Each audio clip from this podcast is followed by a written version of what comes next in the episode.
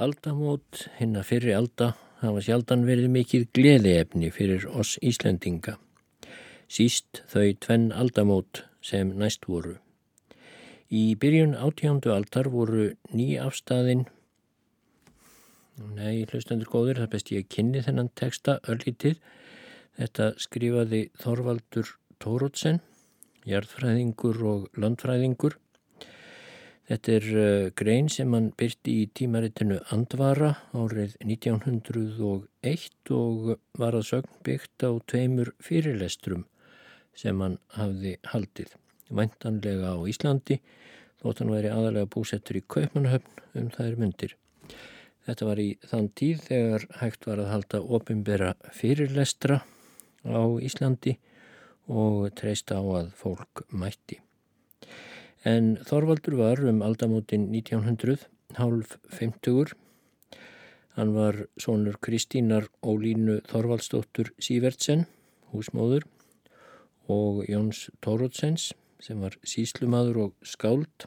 Það var hann sem skrifaði mann og konu, pilt og stúlku og fjölda kvæða sem þekkt voru á sinni tíð. Þorvaldur, sonur þeirra hjóna, fættist 1855 í Flatei og Breiðafyrði en um, fluttist ungur að Haga og Barðaströnd þar sem fadur hans bjó sem síslumadur. Síðan bjó hann hér og hvar, fadur hans dó þegar hann var 11 óra þá fór hann til Reykjavíkur til náms og bjó hjá móðursistur sinni Katrínu Þorvaldsdóttur Sývertsen og einmanni hennar Jóni Árnarsinni þjóðsagna safnara sem segja má að hafi gengið Þorvaldi í föður stað. Nú hann var student frá lærðaskólanum í Reykjavík eins og löggerður ráð fyrir fór í háskólan í Kaupmannahöfn þar sem hann laði stund á fyrst náttúrufræði og dýrafræði en fekk síðan líka mikinn áhuga á jarðfræði. Árið 1876 var þann fylgdarmadur dansks jarðfræðings sem fór í rannsóknarferð að eldstöðum í Öskju og Mývatsöröfum þar sem mikið hafði gengið á með eldgósum undan farið og upp frá því má segja að Þorvaldur hafi verið heillaður af náttúrunni og undrum hennar. Hann var gagtekinn af íslensku öræfunum og eitti mestum hluta þess sem hann átti eftir ólifað í rannsóknarferðir um Ísland og skrif um þær ferðir sínar. Hann eh, byrti mikið af frásögnum sínum í tímaritinu Andvara en skrifaði líka stórmerkilega bók sem kalluður Lýsing Íslands. En eh, Þorvaldur sapnaði líka miklu af efni um fyrir tíma og átti gríðarlegt bókasapn af alls konar heimildum sem annars hefði ekki víða farið um hans daga og á þessu byggir hann meðal annars í hugleiðingum um aldamótin, þeirri grein fyrir nefndu sem hann byrti í andvara 1901 og ég ætla að lesa úr í þessum þætti. Og kannski þeim næsta líka fyrir þessi grein er hafsjóraf fróðleik og bráð skemmtileg aflestrar líka. Ég stitt hana örlítið en þó ekki mikið því það er ekki margt í þessum texta Þorvalda sem má missa sín. En uh, þá er ekki eftir neinu að býða og við spólum aftur til ársins 1901.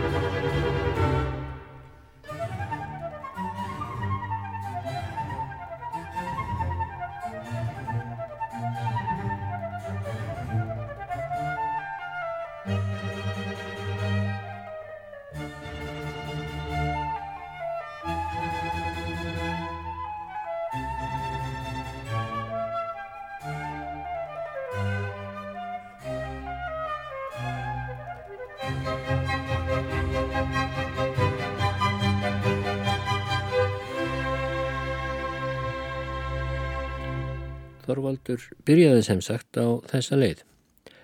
Aldamót hinn að fyrri alda hafa sjaldan verið mikið gleðiefni fyrir oss Íslendinga. Síst þau tvenn aldamót sem næst voru 1700 og 1800. Í byrjun 18. aldar voru nýjafstaðin hinn mestu harðindi. Ekkert heyrðist þá nema hallæris kvartanir og emdar óður fjöllunum herri. Íslendingar voru þá gjörsamlega ósjálfberga, treystu engu nema konungs náð og var óspart knúið á þær náðar dyr. Menn tóku þá að skrafa margt og bollaleggja um viðreistn landsins en þjóðina vantaði þreg og stjórnin skaut við skolleirum en það voru landsmenn sundurlindir og bældu nýður allar framfara tilraunir hver fyrir áðurum. Í byrjun 19. aldar var ástandið engu betra. Þá voru hinn voðalegu móðuharðindi tiltullega nýlega afstæðin og landið var í efnalegu tilliti alveg komið á steipin. Hinnir bestu menn þjóðarinnar höfðu þá gjört margar tilraunir landinu til viðreistnar og stjórnin var óspöra á fjárframlögunum. Framfara tilraunirnar komu þó að litlu liði, alþýð að manna var orðin svo nýður bælt af margra alda vesaldómi að hún gæti ekki neinum sönsum tekið og létt allar pretikannir um framfarir sem vind um eirun þjóta. Mörgu var þó breytt og var sumt til bóta en sumt til afturfarar. Þó framfara tilraunirnar hefðu lítinn árangur borið í svipin þá lögðu þær þó grundvöld framtíðarinnar og hniftu í þjóðina svo hún fórloksað rumska eftir margra alda svepn. Þegar við lítum til þeirra aldamóta sem nú fara í hönd, ársins 1900, þá er útlitið hins vegar allt annað. Framfara horfurnar mega heita glæsilegar í samanburði við hinn fyrri tímamót og hinn íslenska þjóð hefur fulla ástæðu til að líta með ánæju á störf hinnar 19. aldar. Ekki síst á það sem gjörst hefur á hinnum seinasta fjórðungi aldarinnar, framfarirnar á því tímabili 1875 til 1900, mega eftir kringumstæðunum ég vil heita afar miklar þegar á allt er litið. Við verðum að muna eftir því að við höfum orðið að byggja allt frá grunni og því dugir ekki að bera oss saman við þær þjóðir sem standa á gömlum merk og voru komnar á framfara brautina, löngu á undan oss, voru miklu stærri og hefðu stórkoslegan mannabla og fjárabla. Auk þess er margt af því sem oss virðist glæsilegt hjá stórþjóðunum alls ekki í raun réttri eftirsóknar verðt. Það er ekki allt gull sem glóir. Síst megum við Íslendingar láta hugfallast þótt og svinnist ekki allt á sveipstundu, það sem lengi á að standa er lengi að gróa. Hver sem óvil hald lítur á sögu þessa tímabils lítur að sjá miklar framfærir á Íslandi, þóttum leið sé ef til vil afturför í einhverju einstöku en þá er slíkt allt náttúrulegt á breytingatímum. Nú við þessi aldamót 1900 er það eðlilegt þótt mönnum verði að líta tilbaka til hérna fyrir aldamóta til þess með samanburði að sjá hvað hefur verið afreikað á þessum hundrað ára skeiði sem nú er út runnið. Allir þekki ástandið eins og það er nú þó við er ekki til fullnustu, skiljum viðburði og kringumstæður sem við er sjálfu, sjálfur lifum og hærumst í, slíkt verður allt miklu ljósara fyrir eftirkomendum vorum. Það væri því ekkert á móti því að það drægist nokkuð fram eftir 20. öldinni að reyta ítarleg eftirmæli 19. öldar. Sá sem er mátulega langt frá fjalli á hægra með að gjöra sér grein fyrir stærð þess og lögun en hinn sem stendur við rætur þess. Af því ég ímda mér að öllum þorra almenning sé ekki fulljóst ástand og hagur Íslendinga um aldamótin fyrri og í byrjun 19. aldar þá lefi ég mér með fáum orðum að skýra frá högum þjóðfélagsins á þeim tímum. Ég verða að fara fljótt yfir sögu og taka aðeins nokkur dæmi ef ítarlega ætti að fara út í þá sálma væri nóefni í stort rít. Ég vona þó að þessi fáu dæmi séu nóg til þess að sína þeim sem lítið hafa lesið af rítum þeirra tíma hver stórkostleg breyting er orðin á högum Íslendinga á 19. öld. Um aldamót 18. og 19. aldar, þar að segja um 1800, var ástandið mjög ískikilegt og þjóðmenningin öll á lágu stíi. Þó voru horfurnar miklu betri en verið hafði nokkru áður þegar móðuharðindin þvínær voru búin að gera útæfið Íslendinga. Samt var landið en ekki færðað rétta við að nokkru mun eftir margra aldahnignun og hörfungar. Þjóðin var búin að leggja árar í bát og tók þegjandi og með þólinnmæði hverju sem að höndum bar. Allt var jafn ílt og ömurlegt, hvert sem litið var. Það var ekki einu sinni hægt að leita skjóls hjá dönum eða dönsku stjórninni, eins og Íslendingar hafðu svo oft áðurgjört. Þaðan var litla hjálpa að fá. Danir áttu nóg með að verja hendur sínar gegn árásum englendinga og margt var á þeim ófriðar árum, fyrstu 15 ár 19. aldarinnar, á tjá og tundri.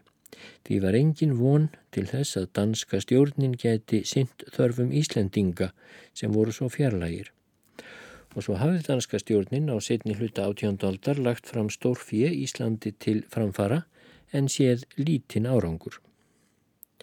Íslendingar voru þá sem kunnugt er búinir að missa hinn seinasta sjálfstjórnar vísi.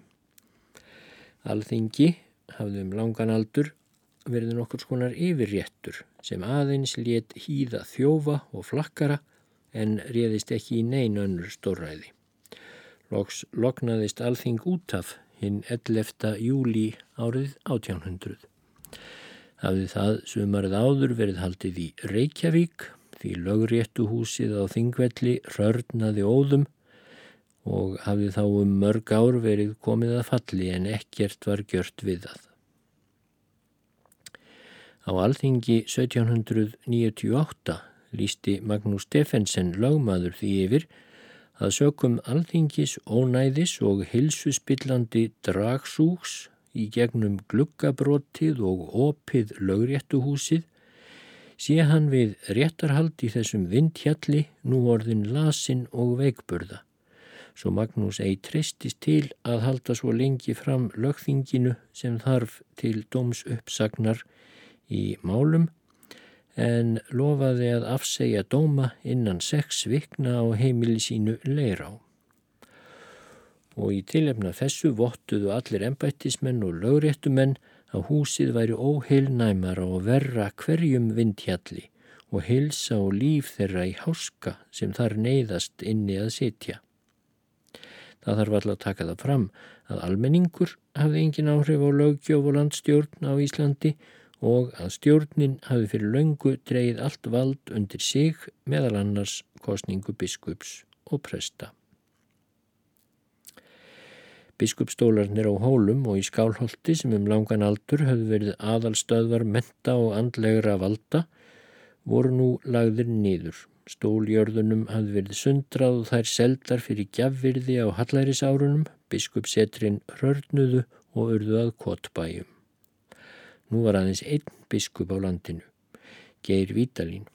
Hann bjó í lítilfjörlegu timburhúsi í Reykjavík, hafði laun af skortnum skamti og er oft til þess tekið hver biskup átti þröngt í búi. Höfðingskapur hinn að fyrir biskupa var nú gengin um garð. Þegar hólastóll var lagður niður var Þorkjell Ólafsson þar stiftsprófastur og offisialis.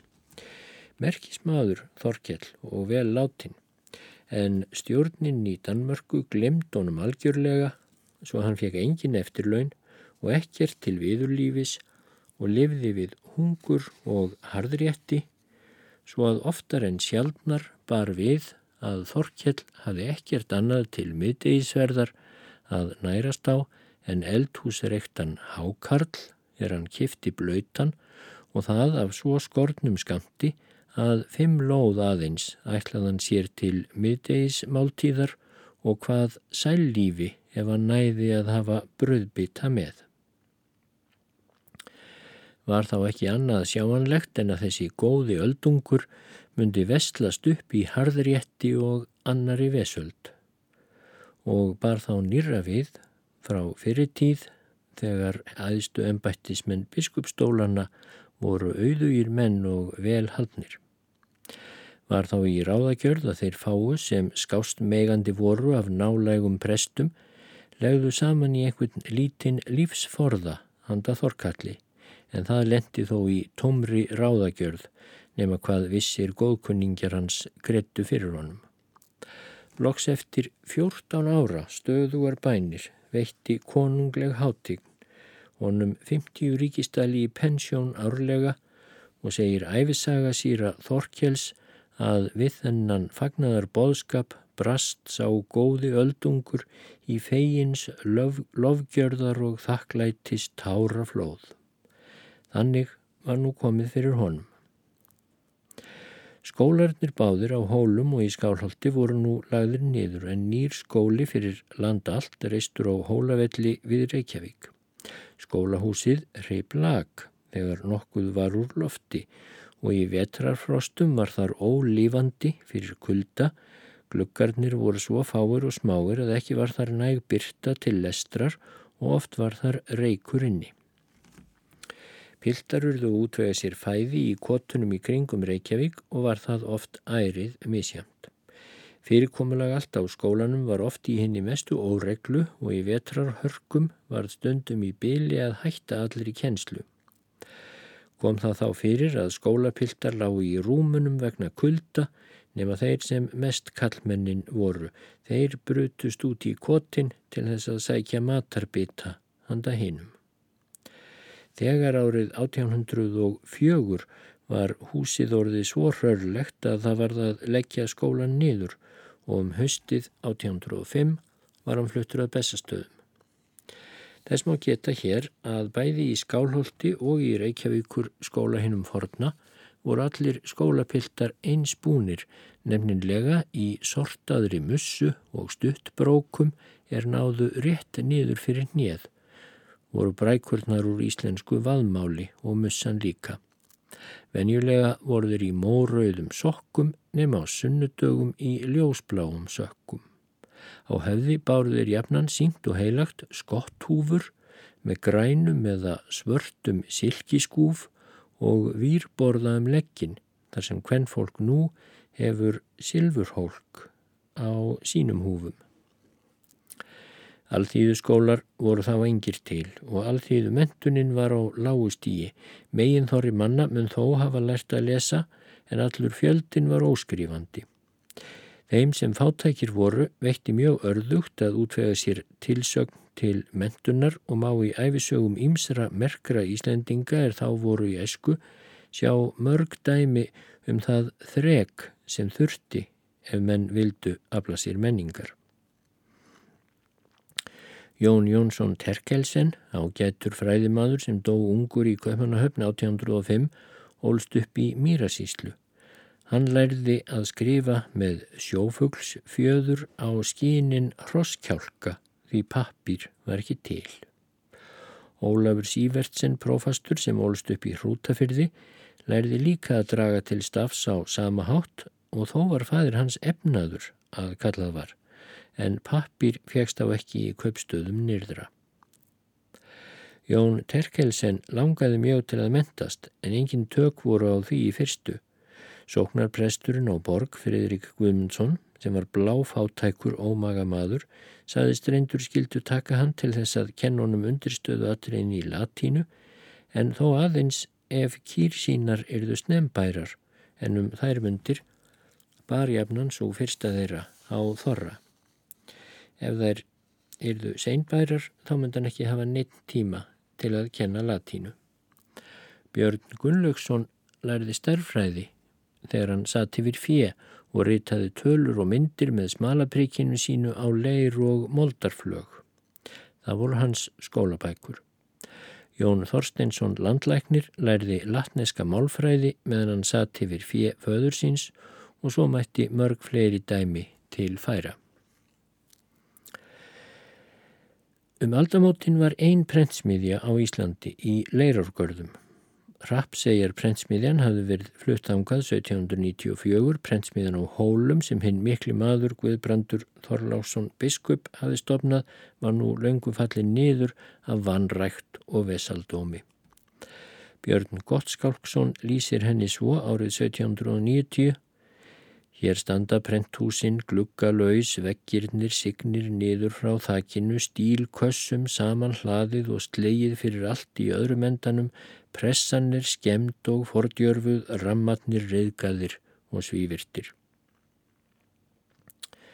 Nokkru setna var farið að sundra áhöldunum og stílinn varð uppáhalds leikfang barna þar í nákvæminu. Hinnar seinustu leifar af hólaprentsmiðu voru fluttar að leirárgörðum 1799. Þá kom ekkert blað út á Íslandi og ekki nema eitt tímaritt. Minnisverð tíðindi 1796 til 1808 en það voru svo sem ekki nýjustu viðburðurnir sem lesendurnir fengu, fengu vittneskjum í því blaði. Annað bindi þessara minnisverðu tíðinda sem fullprentað var 1806, það segir frá atbyrðum sem gjörðust á árunum 1798 til 1801. Þó nú hinn þrjú einstöku bindi af tímariti þessu líklega hafi verið sendt út í pörtum, þá komist þó fregnirnar um það sem gerðist í heiminum ekki til íslenskrar alþýðu fyrir en í fyrsta lagi eftir þrjú eða fjögur ár. Úr þessu bættist ekki fyrir en löngu setna. Framan af átjándu öld var fátt prentað nema Guðsorðabækur og voru sumar mjög lélegar. Úr rapsegar prentsmiðju komu þó setni hluta aldarinnar, engum fyrir aðstóð Magnúsar Kettilssonar, síslumanns í Dalasíslu, ymsar góðar fræðibækur en ritaður sögur og rýmur og margskonar skruttur með ímsum fornum fræðum gengum manna á milli allt fram yfir miðja 19. öld og var eins lesið úr þeim í baðstofum eins og í prentuðum bókum. Nokkru fyrir aldamótin tók Magnús Stefensen til starfa. Hann stopnaði landsuppfræðingafélagið 1794 og reyndi síðan með stakri yðni og elju að riðja henni e, nýju heimsmentun, upplýsingunni, braut á Íslandi, gaf út margar ágættar bækur og hafði mikil mentandi áhrif á íslenska alþýðu, þótt hann lengst af er þeir að berjast við mótspyrnu og hleypitóma. Magnúsi Steffensen er það að þakka að Íslendingar framann af 19. öld áttu tiltöllega margar og góðar alþýðubækur. Þá voru kvöldvökur Hannesar biskups Finnssonar einnig ágætt bók. Í þessu efni eru framfæriðnar á seinasta fjörðungi 19. aldar tilturlega litlar. Íslendingar eiga fáar góðar alþýðubækur í samanbörði við aðra bókamerð af ímsutægi. Íslenskan var um aldamótin mikið farin að batna frá því sem áður var. Helstu menn um 1800, svo sem eins og Hannes Finnsson, Svein Pálsson, Jón Þorlásson, Jón Espólín og fleiri reytuðu fremur gott og liðilegt mál. Magnúsi Steffensen var vissulega ekki sínt um íslensku. Hann samti sig allt og mikið að reytætti dana og yfir höfuð var hann engin smekkmaður í reytætti þó hann væri margt vel gefið. Á miðri átjóndöld livði íslenskan enn nokkurn veginn óbjöguð á vörum sveitamanna en lærðumennir, engum lögfræðingarnir, tóku þá mjög að spilla málinu.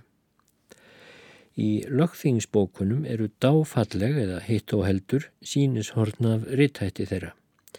Svein Sölvason lögmaður, sem var að mörguleiti merkur maður, hann sagði eins og kunnugtir í formála fyrir ritti sínu, barn í lögum, Ég hefi stundum hjálpast við þau orð sem dregin eður samsett eru af dönskunni, hvað ég held engin spjöll. Þar vor lög nú á tíðum eru mestan part frá dönskum komen og án dönsku kunna menn ekki að vera í réttargangenum og svo sem vor efni í flestum sökum dependera af þeim dönsku Því má þá ekki einin, einin vort tungumál vera sömu forlögum undir orpeð. En þó rítuður endar margir verra mál heldur en sveitn lámaður.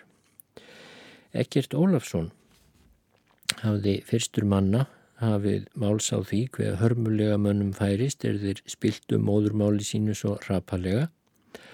Hann hafði þegar um miðja átjánduöld bringt fyrir löndum sínum í kvæðinu sótt og dauði íslenskunnar að reynsa málið og blandaði ekki saman við dönskuna. Hann skrifaði íslenskar réttritunarreglur og fleira þótt honum endist ekki aldur til meiri framkvæmda. Enda dó hann ungur sem kunnugt er þegar hann druknaði í breyðafyrði. En það var líka við ramman reip að draga.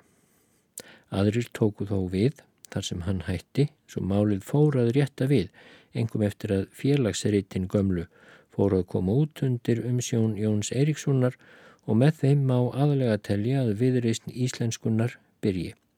Svo taka þeir við á 19. öld Jónas Hallgrímsson, Sveinbjörn Egilson og Jón Sigursson og koma íslenskun í liðugan og hreinan búning. Ebenezer Henderson ferðaðist kringum land allt á árunum 1814 og 15 til að útbýta biblíum, svo sem flestir vita.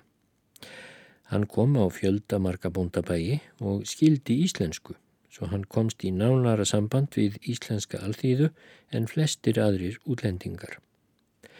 Henderson hrósar Íslendingum mjög fyrir trúrækni þeirra og guðræðslu og hann segir sann kristið hugarfar lýsa sér í öllum háttum Íslendinga.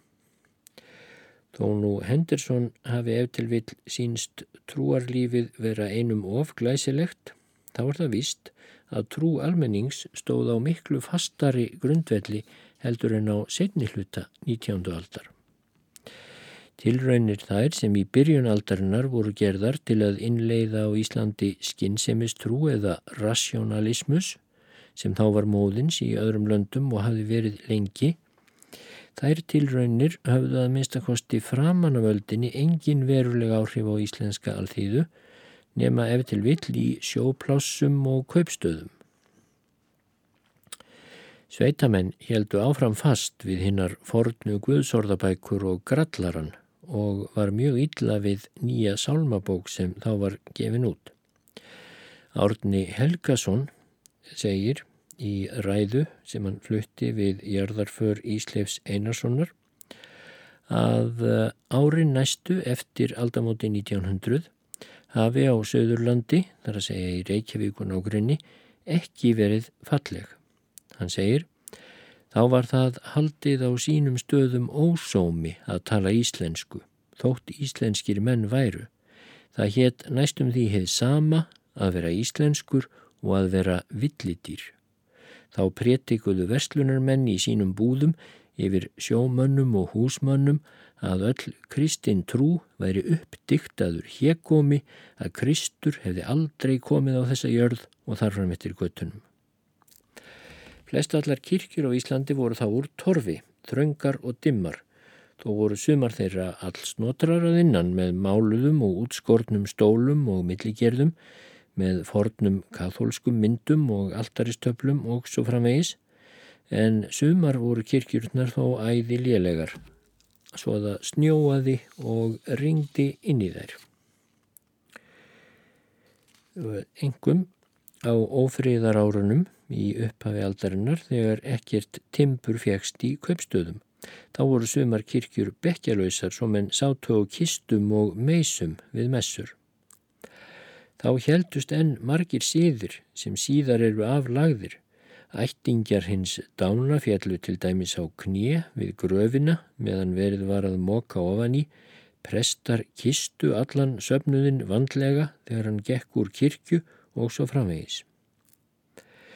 Þá var líka fyrir aldamótin eftir konungsskipan við messugjörðir á Íslandi drottin beðinum að blessa bergverkin en bergverkin voru námurnar í Noregi af því að konungar fengu úr þeim vasapenninga sína og því áttu Íslendingar við hverju einustu messu að blessa þessi bergverk í Noregi. Almenningur ætlaði að þau umgetnu bergverk í bæninni myndu vera fjöll eða raun nokkur en í raun var sem sagt um að ræða námur. Samgöngur við útlönd og innanlands voru um aldamótin 1900 ótrúlega bágbornar. Postskip fóru þá einu sinni á ári til útlanda og stundum aldrei. Mennurðu að fara á milli landa á smáum seglskipum kaupmanna, annað var ekki í bóði og voru ofte heila mánuði að velkjast í hafi. Þess voru menna á ofriðar árunum aldrei óhulltir fyrir ennskum vikingum og oft bar það við að menn voru herrteknir og settir á landa á Skotlandi og uh, komist ekki þaðan nema með örnum kostnaði. Árið 1776 hófust postferðir milli landsfjörðunga að nafninu til. Postar gengu tvísvar eða þrísvar ári aldrei reglulega svo sjaldan var hægt að reyða sig á þá og svo fóru þeir sinn veginn í hvert skiptið. Ef menn vildu koma brefi sem berast átti fljótt og skilvíslega, þá verðu menn að gera út sérstakann mann með það.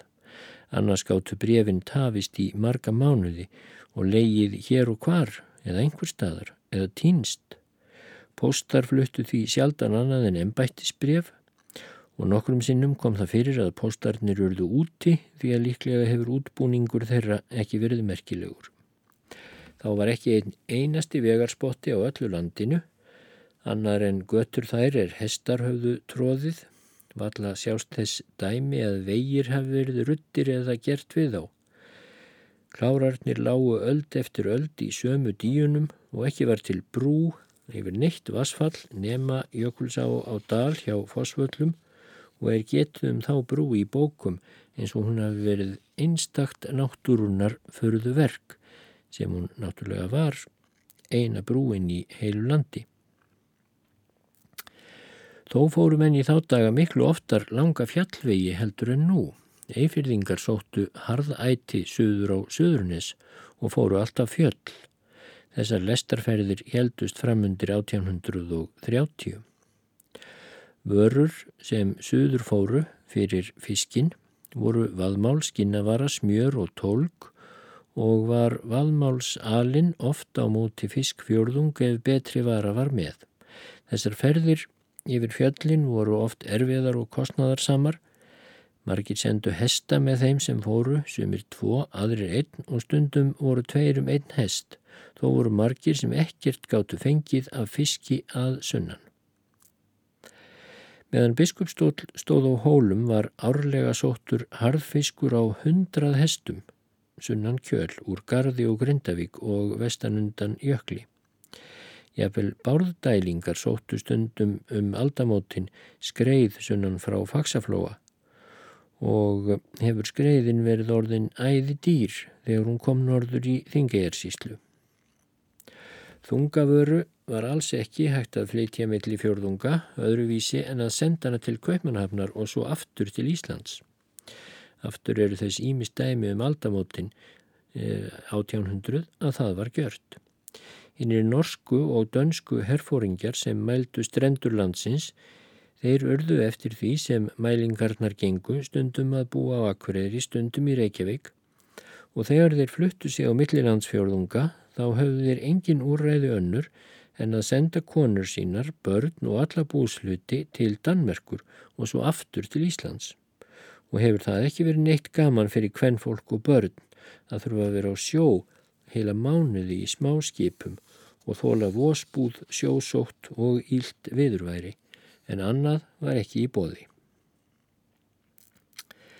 Almenningshagur var fyrstu ár hinnar 19. aldar mjög örðugur á Íslandi.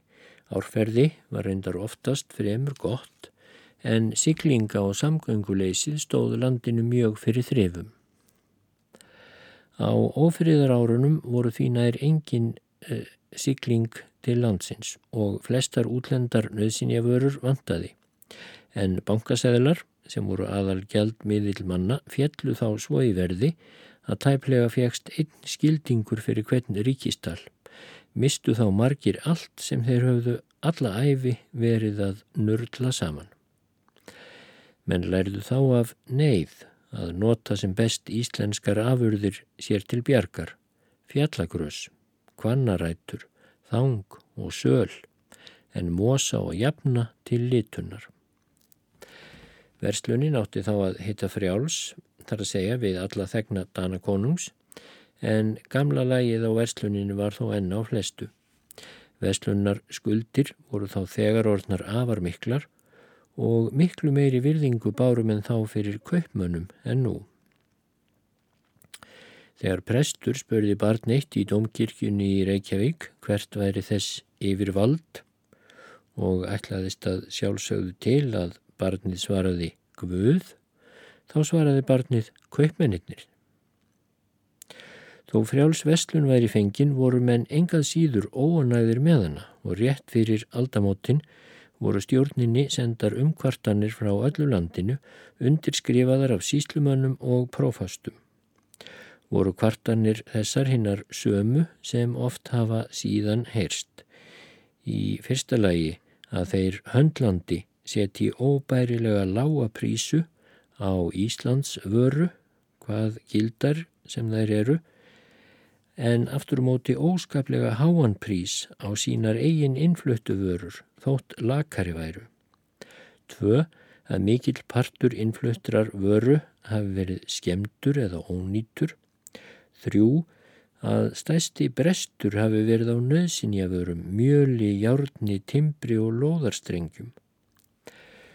Fjögur, að peningar hafi verið ófáanlegir fyrir Íslendinga hjá þeim höndlandi kaupmönnum fyrir landsins vörur eður og seldir með mikilli framyfirgjöf hvar á móti. Í fymta lagi að beinlýnis hafi verið tróðið upp á innbyggjarna á Íslandi fyrir þeirra góðu vöru, brennivíni, tópaki og öðrum vörum er til óhófs hafi hort. Og svo í sjötta lagi að þeir höndlandi kaupmennirnir hafi gjört úrkast af þeim íslenska fiski sem ekki hafi svo þungur verið sem þeir hafi viljað. Og svo í sjöndalagi að þeir hafi ásælst innbyggjarna í máli og vikt, þar að segja svindlað á þeim í máli og vikt. Í þeim áminnstu samhljóða klögunum, segir í lögþingsbókinni, innsendum frá þremur héröðum útmálast núverandi verslun sem ófrí, máttvana, eðileggjandi og óbærileg. Náttúrulega varð veslunin þá ennverri á ófriðarárunum framann af 19. öldinni þegar sigling brástað mestu. Skortur á nöðsinjavörum var þá ákaflega tilfinnanlegur og þá sjaldan skip kom þá var allt sem það flutti svo afar dýrt að engir gátt að kift nöðsinjar sínar nema efnamenn. Stundum fjækst engin matvara og korki salt, járn, kól nýja trjáviður. Menn smíðuðu hornskeifur undir hesta sína, spunnu færi úr tógi, byggkuðu báta sína með lísi og jörðuðu fátæklingana kistu laust. Sökum salt eklu, skemdist spað og slátur og draf úldnaði, menn reyndu að nota sjó í saltstað en það hefnaðist misjaflega. Mörgum þótti þó verst að hvergi fegst tópak. Kaffi var þá lítið farið að flytjast inn til Íslands. Ingjaldur gamli á Mýri í Borðardal sagði mér árið 1876, skrifar Þorvaldur, frá því að hann fór árið 1810 suður í Reykjavík og kefti þar meðal annars kaffi og sikur fyrir prestinn í Borðardal hálft pund af kaffi og hálft pund af síkri og þótti það raritet.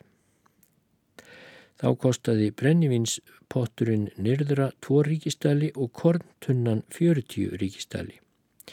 Árið 1807 kefti Sveitin Pálsson, læknir, eh, kaffi og kandís fyrir næsta ár og eh, taldi hann að duga myndu 1 kíló af kaffi og hálft kíló af kandís. Reykjavík var á fyrsta fjörðungi 19. aldar mjög lítill bær með 300 til 400 íbúum. Þetta var nærðu í aldanskur bær að háttum. Bæði þar og í öðrum kaupstöðum töluðum en mjög bjagaðmál og dönsku skotið.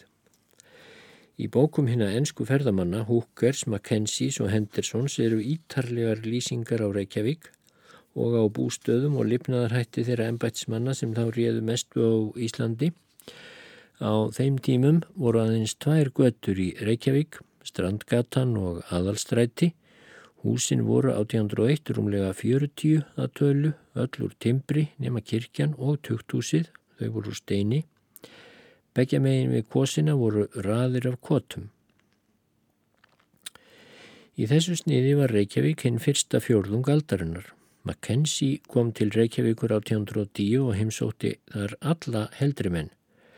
Honum þótti geirbiskup Vítalín mjög fátæklega búin, en það hefði hann minni virðingu en stöðu hans sæmdi innan um búðarlokur í Reykjavík.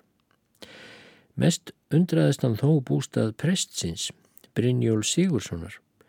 Þar var baðstofa lítil og fornfárleg og var honum bóðið inn í Svefnirbergi presshjónana sem var mjög lítið og þar var valla rúm fyrir meira en hjónarúmið, kommóðu og botlaskáp og þar fekk hann mjölk að drekka.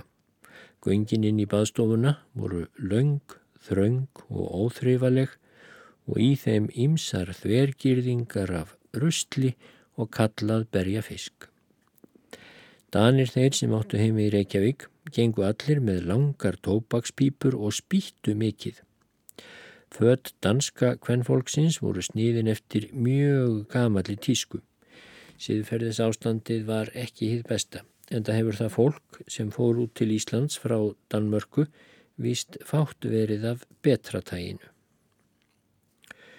Þó lýsing Mackenzie sé eftir vill nokkuð ykt þá rauðséð að félagslífið í Reykjavík hefur ekki verið með fínasta sniði en það kemur öllum saman um það sem reyta um Reykjavík rétt eftir aldamótin.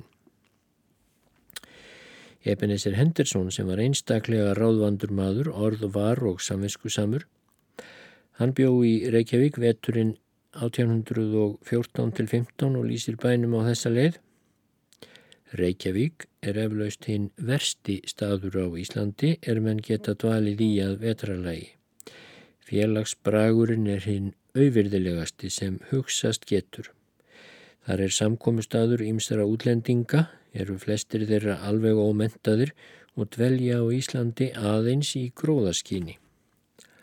Þar er ekki aðeins hörmuleg auðn fyrir trúaða menn, heldur einnig algjör vöndun á hverri uppsprettu andlegrar nöytnar. Hinn er einlendu sitja vanalega allan daginn, auðum höndum með tóbakspípuna í munninum en á kvöldin spilaðir og drekka púns með útlendingunum. Það eru haldnir tveir eða þrýr dansleikir og hverjum vetri og stundum leika helstu íbúatnir sjónleik. Í þessum tilgangi leggjaðir undir sig yfir réttarhúsið og flytja heiklaust hangað bekkina út úr domkirkjunni til að hafa eitthvað til að sitja á. Bæjabyggingum, hýbílapríði og þryfnaði öllum hefur stórkostlega farið fram á Íslandi síðan um aldamótin 1800. Til þess eru margar ófagrar sögur um hýpíli Íslendinga frá þeim tímum, bæði eftir útlenda og innlenda menn. Gorki útlendingar, nýja Íslendingar af heldratægi gáttu gist á bæjum, ekki einu sinn á pressetrum, en lágu vanalega í tjaldi við túnjæðarinn því stofuhús voru mjög óvíða og opnar hverki nema á örfáum höfðingisetrum. Verst var þó við sjávarsíðuna. Sveit Pálsson, læknir, sem sjálfur hafði róið margar vertíðir við faksaflóa, lýsir í ferðabóksinni ítarlega hinnum óurlega óþryfnaði sem átti sér stað í sjóplássum siðra og hýbílunum sem alla gátt að kallast mannabústaðir. Segir Sveit meðal annars að þegar vermenn komi heim úr verinu, hver í sína sveit, þá sé slík ólikt af þeim að allir heimamenn fussa og sveia en sjálfur eru vermennir þá orðnir samdöyna óþefnum sem næst ekki af þeim fyrir en búður að þóða á sjálfa vandlega og hverja spjör af þeim. Þá voru sveitabæjurnir heldur ekki neinn fyrirmynd, baðstofurnar voru lágar og loftlausar mjög sjaldan undir súð Allstaðar voru skjáklukar, göngin voru dimm, laung og þröng, næri allstaðar moldargólf og allt í þessum stíl, jafnvel hjá efnuðustu bændum og mörgum prestum. Stefán Jónsson á Steinstöðum segir um bæi við Eyjafjörð, snemma á 19. öld. Nokkrir bæir voru eins og að koma að hestústýrum. Á skári bæjum var einhver þýlmynd við bæjardirnar og eitt skemmurróf og á bestu bæjum voru skálakofar Ekki að talum að nokkur staðar væru hús með lögðu gólfi að undanskildum klustrunum og síslumanna og prófasta setrum. Það var engin furða þó að landfarsóttir væru þá tíðar og mannskæðar en það gengur þær að jafnaði árlegum landið og gerðu mikinn usla. En frá því ætlar Þorvaldur Tórótsen að segja í næsta þætti.